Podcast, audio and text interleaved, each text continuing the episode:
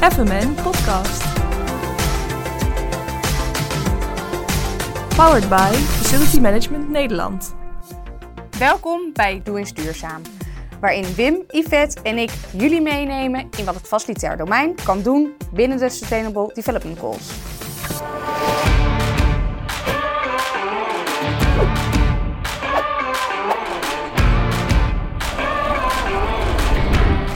Vandaag hebben we het over SDG 5, gendergelijkheid. En hier gaan we het vandaag over hebben met Lida Smits van Excellency, met Jeroen Beks van Engie en Maartje Bouffy van Facilicom Group. Lida, welkom. Dankjewel. We starten vandaag met jou en ik ben heel benieuwd naar ja, wat deze SDG inhoudt. Deze SDG gaat over dat vrouwen uh, in 2030 uh, dezelfde rechten hebben als mannen als het gaat uh, over besluitvorming in politiek, maatschappij en economie. En wat betekent deze SDG voor jou als persoon? Waarom is die belangrijk voor jou? Hij is voor mij belangrijk omdat ik zeker ook met ongelijkheid te maken heb gehad. en dat maakte mij als kind best soms heel moe en boos en gefrustreerd. Um, later kwam ik eigenlijk achter dat dat ook te maken had met stereotypering. En hoe men in mijn omgeving dacht over de rol en positie van de vrouw. En ook in het systeem waarin we leefden, zeg maar. Um, en dat heeft mij wel op een gegeven moment aan nadenken gebracht van... hé, hey, wat kan ik eraan doen uh, om hieruit te komen? Dus ik ben wel heel bewust van die ongelijkheid. Uh, maar ook mijn verantwoordelijkheid om daarin wat te kunnen gaan doen. Oké. En um, hoe ver zijn we nu in Nederland? Want we hebben bepaalde doelstellingen voor de hele wereld uh, naar 2030 toe. Maar hoe ver zijn we dan in Nederland op dit thema? Nou, het is een uh, interessante vraag, omdat de meeste mensen denken dat we een heel progressief land zijn, terwijl het eigenlijk helemaal niet is. Uh, als je kijkt waar wij als Nederland staan op de internationale rankingorders, zoals bijvoorbeeld Gender Index Cap, Gender Gap Index, hè, maar ook als je kijkt naar de loonkloof die er bestaat tussen mannen en vrouwen. Hè, maar ook uh, de participatie van de vrouwen in de arbeidsmarkt. Wow. Dan hebben we nog wat slagen Dan te maken. hebben we echt nog een stappen te zetten, zeker ja. weten. Ja. Ja. En hoe zit dat in het facilitair domein? Is dat heel anders dan Nederland in zijn algemeenheid? Of... Um, het is bijzonder, want ik heb even gekeken naar FMN, van hoe daar de lidmaatschappen zeg maar een beetje in elkaar zitten. En er zijn ongeveer 740 mannen die lid zijn en 500, ik dacht 596 uit mijn hoofd vrouwen. Dus zou je denken van, goh, dat zou, hè, dat is best wel gelijkwaardig. Maar dat zegt helemaal niks over de positie van de vrouwen en de rol van de vrouwen en over de salariering van de vrouwen of waar zij werken. En het zegt ook niets over de talent waste. En talent waste is iets uh, wat tot uitdrukking wordt gebracht. Uh, nou, bijvoorbeeld, hè, iedereen weet en weet ook dat uh, vrouwen tegenwoordig sneller en hoger opgeleid zijn. maar toch door de deeltijdcultuur parttime gaan werken. Dus eigenlijk alle kennis wat opgebouwd wordt, vergaat ook weer omdat het niet benut wordt. En dat Ja. is de talent waste. En Lida, wat zijn nou de grootste belemmeringen in het land als het gaat om deze SDG? Het belangrijkste is toch de stereotypering. Uh, toch de beelden nog dat vrouwen minder goed kunnen onderhandelen, dat vrouwen minder ambities zouden hebben. Uh, maar ook bijvoorbeeld infrastructuur. Als je kijkt rondom kinderopvang, dat, heeft, ja, dat heeft ook direct impact op van wanneer een vrouw wel of niet makkelijker fulltime kan gaan werken. Uh, maar ook de belemmering uh, uh, van beelden die vrouwen ten opzichte van elkaar hebben. He, als je kijkt in je vriendenkring of je, nou, bij je collega's, maar met name wel in je vrienden- en familiekring, heeft men best wel, of kan men best wel bepaalde beelden bij hebben van goh, waarom doe je niet? waarom zou je niet bij je kinderen moeten zijn? Waarom moet je per se fulltime werken? Dus dat zijn de drie belangrijkste belemmeringen. Oké, okay, nou dankjewel Lida. Wij komen straks bij jou terug en gaan dan verder praten over dit onderwerp. Maar we gaan nu eerst door naar Jeroen en Maartje. Welkom Maartje en Jeroen. Jeroen, ik start met jou. Wat betekent ja. deze SDG voor jou als persoon? Nou, voor mij als persoon, ik denk dat het uh, een betere afspiegeling geeft van de maatschappij. Hè? Dus als je kijkt naar een organisatie, dat je een veel mooiere emotionele balans krijgt. En dat zorgt ook veel meer voor een open cultuur. En uh, ja, jij werkt bij Engie en jullie zitten in de top 30 best presterende bedrijven op het thema gendergelijkheid. Kan je daar wat over vertellen? Nou, ten eerste ben ik daar uh, super trots op dat we dat uh, bereikt hebben. Ehm, ja, wij als organisatie eh, vanuit onze core business zitten eigenlijk al heel sterk tegen de duurzaamheidsvraagstukken. Dan heb je het wel over technologie, hè, dus energie gerelateerd. Maar aan de andere kant eh, pakken we ook de sociale aspecten van een duurzame maatschappij mee. Dus in 2008 zijn we echt gestart met eh, de SDG 5 om daar meer aandacht aan te geven. Dus uh, ja, wij zitten nu in, op het punt dat we veel meer aandacht ook geven aan inclusiviteit. Uh, en diversiteit, omdat dat voor ons ook weer een verrijking is in juist door te innoveren als onderneming. En wat zijn de cijfers op dit moment als je kijkt naar specifiek deze SDG, SDG 5?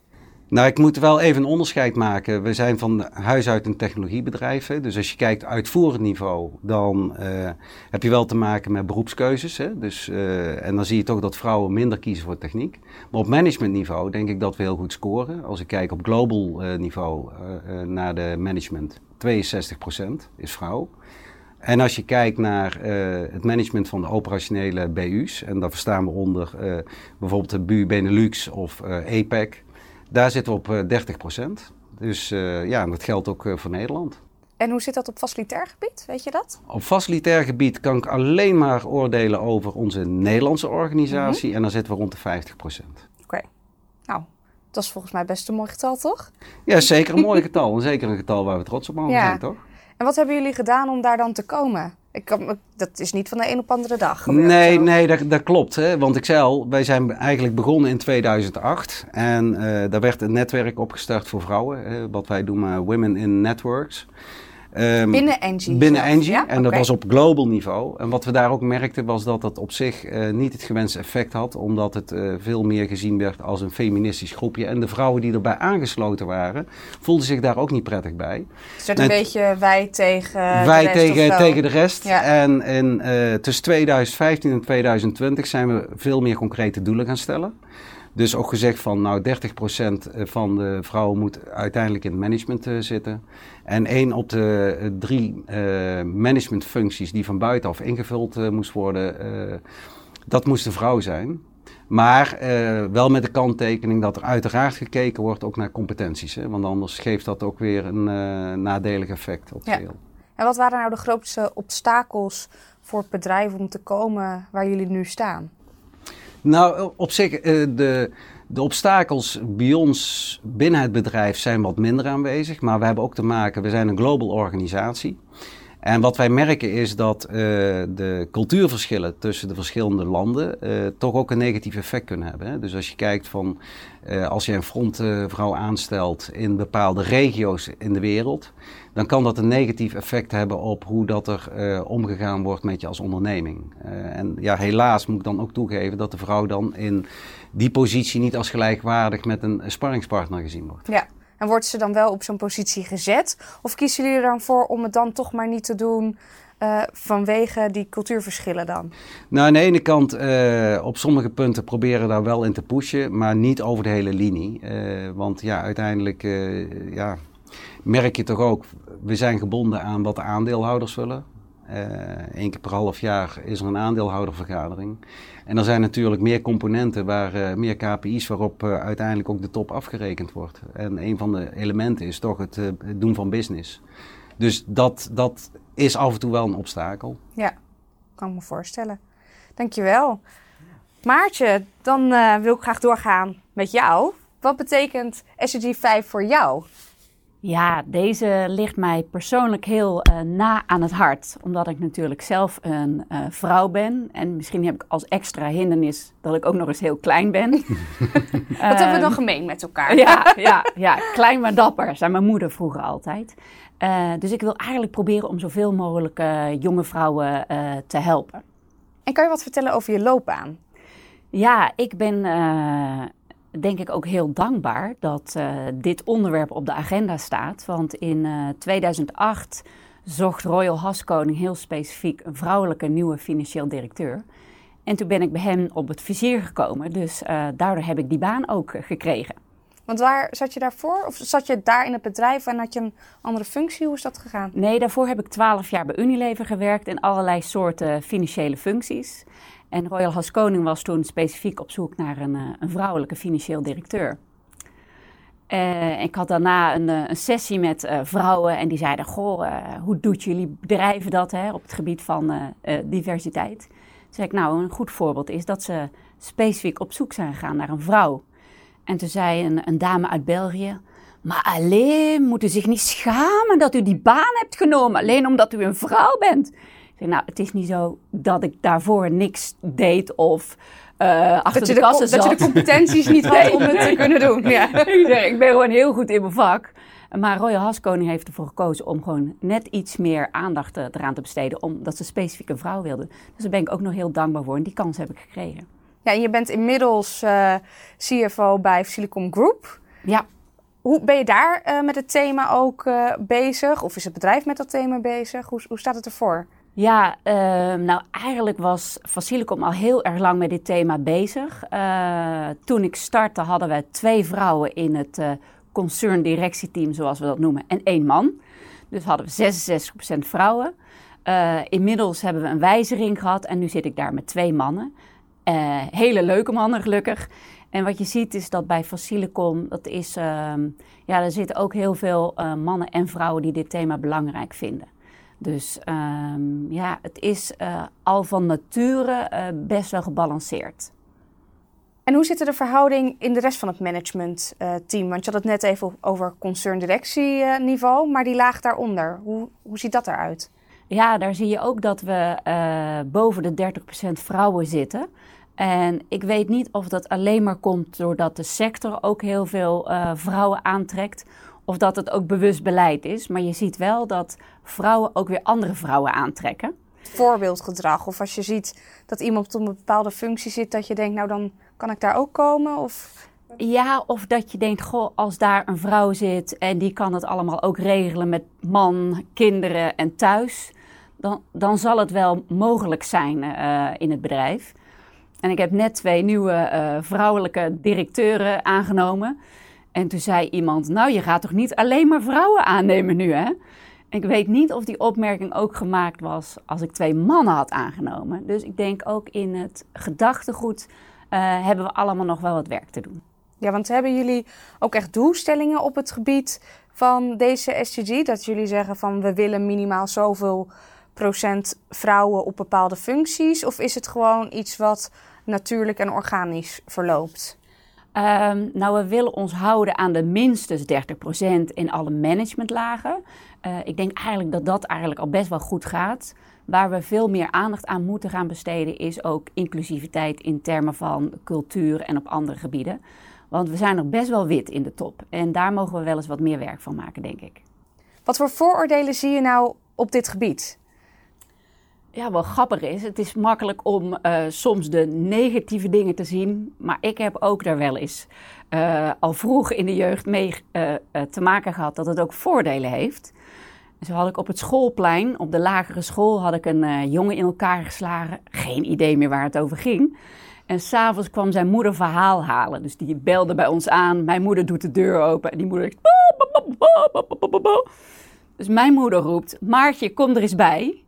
Die moeder ziet dat ik een meisje ben, realiseert zich dat haar zoon door een meisje in elkaar is geslagen, zegt niks, wordt rood, draait zich om en loopt weg. Ja. Dus ik realiseerde me, oh, interessant.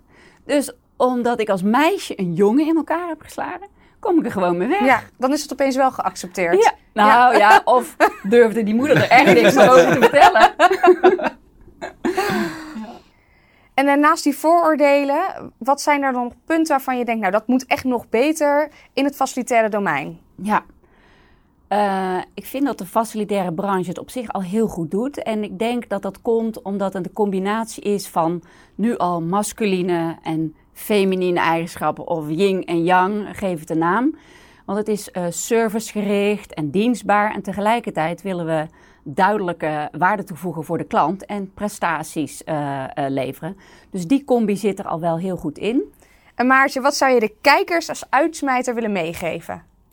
Uh, als je mij zou vragen wat kan beter, ik denk dat het helpt als je probeert de ander beter te begrijpen.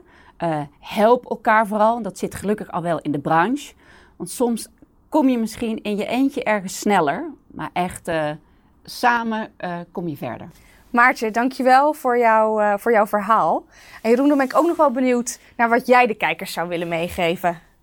Nou, wat dat betreft had uh, Maartje net wel een hele mooie voorzet gegeven. Maar mijn ervaring leert gewoon op het moment dat je veel meer een balans krijgt, dan wordt het ook veel leuker. En uh, je wordt eigenlijk als organisatie ook veel productiever, omdat je verschillende invalshoeken hebt. Dus ik zou willen meegeven, van inderdaad, uh, respecteer elkaar, uh, ook qua opvattingen, qua emotie. En, en je komt veel verder en het is ook veel leuker. Dank jullie wel voor jullie bijdrage van vandaag. En dan ga ik nu met uh, Lida weer verder in gesprek over dit onderwerp. Lida, welkom uh, terug. Dankjewel. Wat is jou opgevallen uit het verhaal van Jeroen en Maartje die hier zojuist zaten? Um, nou ja, dat er toch wel veel ontwikkelingen gaande zijn. Hè? Dus uh, nou zijn het ook wel grote organisaties, dus dat is een heel positief geluid. zeker ook voor het vakgebied facility management. Um, wat je ook wel ziet, en daar kom ik later wel even op terug, is uh, zeker bij Engie bijvoorbeeld, hè, dat ze dat programma WIN hebben gemaakt voor, om die vrouwen echt te empoweren. Dus dat zie je ook bijvoorbeeld bij andere organisaties. Nou, dat is echt top als bedrijven dat gewoon doen. Um, en dat ze gewoon die stap gaan zetten die om er iets... Ja, om er iets mee te doen. Maar ook dat ze, dat hoor je ook wel in het verhaal van Jeroen, um, dat ze ook ervaren dat juist die balans gewoon een positieve bijdrage kan leveren. En daar gaat het om. Um, en, uh, en, dat je ook ziet als je kijkt naar duurzaamheid en wat dat betekent voor de sociale context in organisatie. Ja, dat is natuurlijk prachtig. Prachtige ontwikkelingen. Mogen ze ook echt trots op zijn.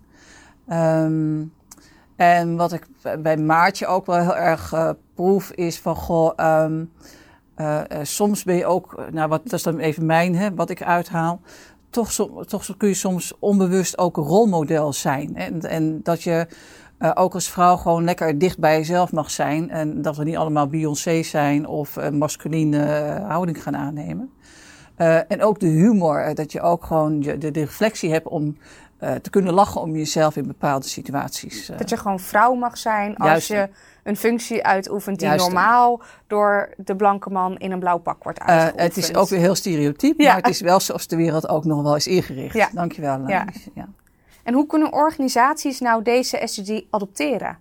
Nou, eigenlijk moeten ze het onderdeel laten uitmaken van de strategie. Dus ze moeten echt uh, concrete doelen maken en dat binnen de strategie uh, borgen. Uh, en als je dat doet en, en, je zet het ook op de agenda's van overleggen, dan wordt het ook iets wat geïnternaliseerd kan worden in een organisatiecultuur. En als je dat ook nog daarover rapporteert via jaarverslagen en rekeningen, dan laat je ook zien aan de buitenkant, aan de buitenwereld, waar je als organisatie voor staat. Dat draagt alleen maar bij aan een positief imago van je eigen organisatie. Je moet natuurlijk wel opletten dat het geen windowdressing wordt, want dat, is, dat kan er soms insluipen van kijk eens hoe goed we het doen. dus dat is wel een ja, waarschuwend vingertje erbij. Ja. En wat zou jij de kijkers dan nog willen meegeven? Nou, eigenlijk um, uh, naar het vakgebied zou ik zeggen van uh, eigenlijk een call for action. kijk eens hoe het gaat over hoe het zit met die rol en die positie van die vrouwen en die stereotypering in het facilitaire veld. Dus daar is best nog wel onderzoek naar te doen. Ik denk dat dat een call for action is. Um, voor vrouwen zou ik zeggen van um, blijf heel dicht bij jezelf. Ga mannen niet overtuigen, want als je met mannen in gesprek gaat die voelen niet zelf persoonlijk of die urgentie rondom de gendergelijkheid. Uh, dus we gaan wel in gesprek, maar ga ze niet overtuigen. Uh, uh, en zoek ook op wat jij kan doen en neem daar zowel de mannen in gesprek mee als de vrouwen in gesprek mee. En mannen, jullie denken misschien niet dat het voor jullie urgent is, maar als je even omdenkt, hoe zou het zijn als jouw vrouw of je toekomstige vrouw of jouw dochter gediscrimineerd wordt? Want dat is waar genderongelijkheid over gaat. Lida, onwijs bedankt voor jouw bijdrage. En jullie bedankt voor het kijken. FMN Podcast. Powered by Facility Management Nederland.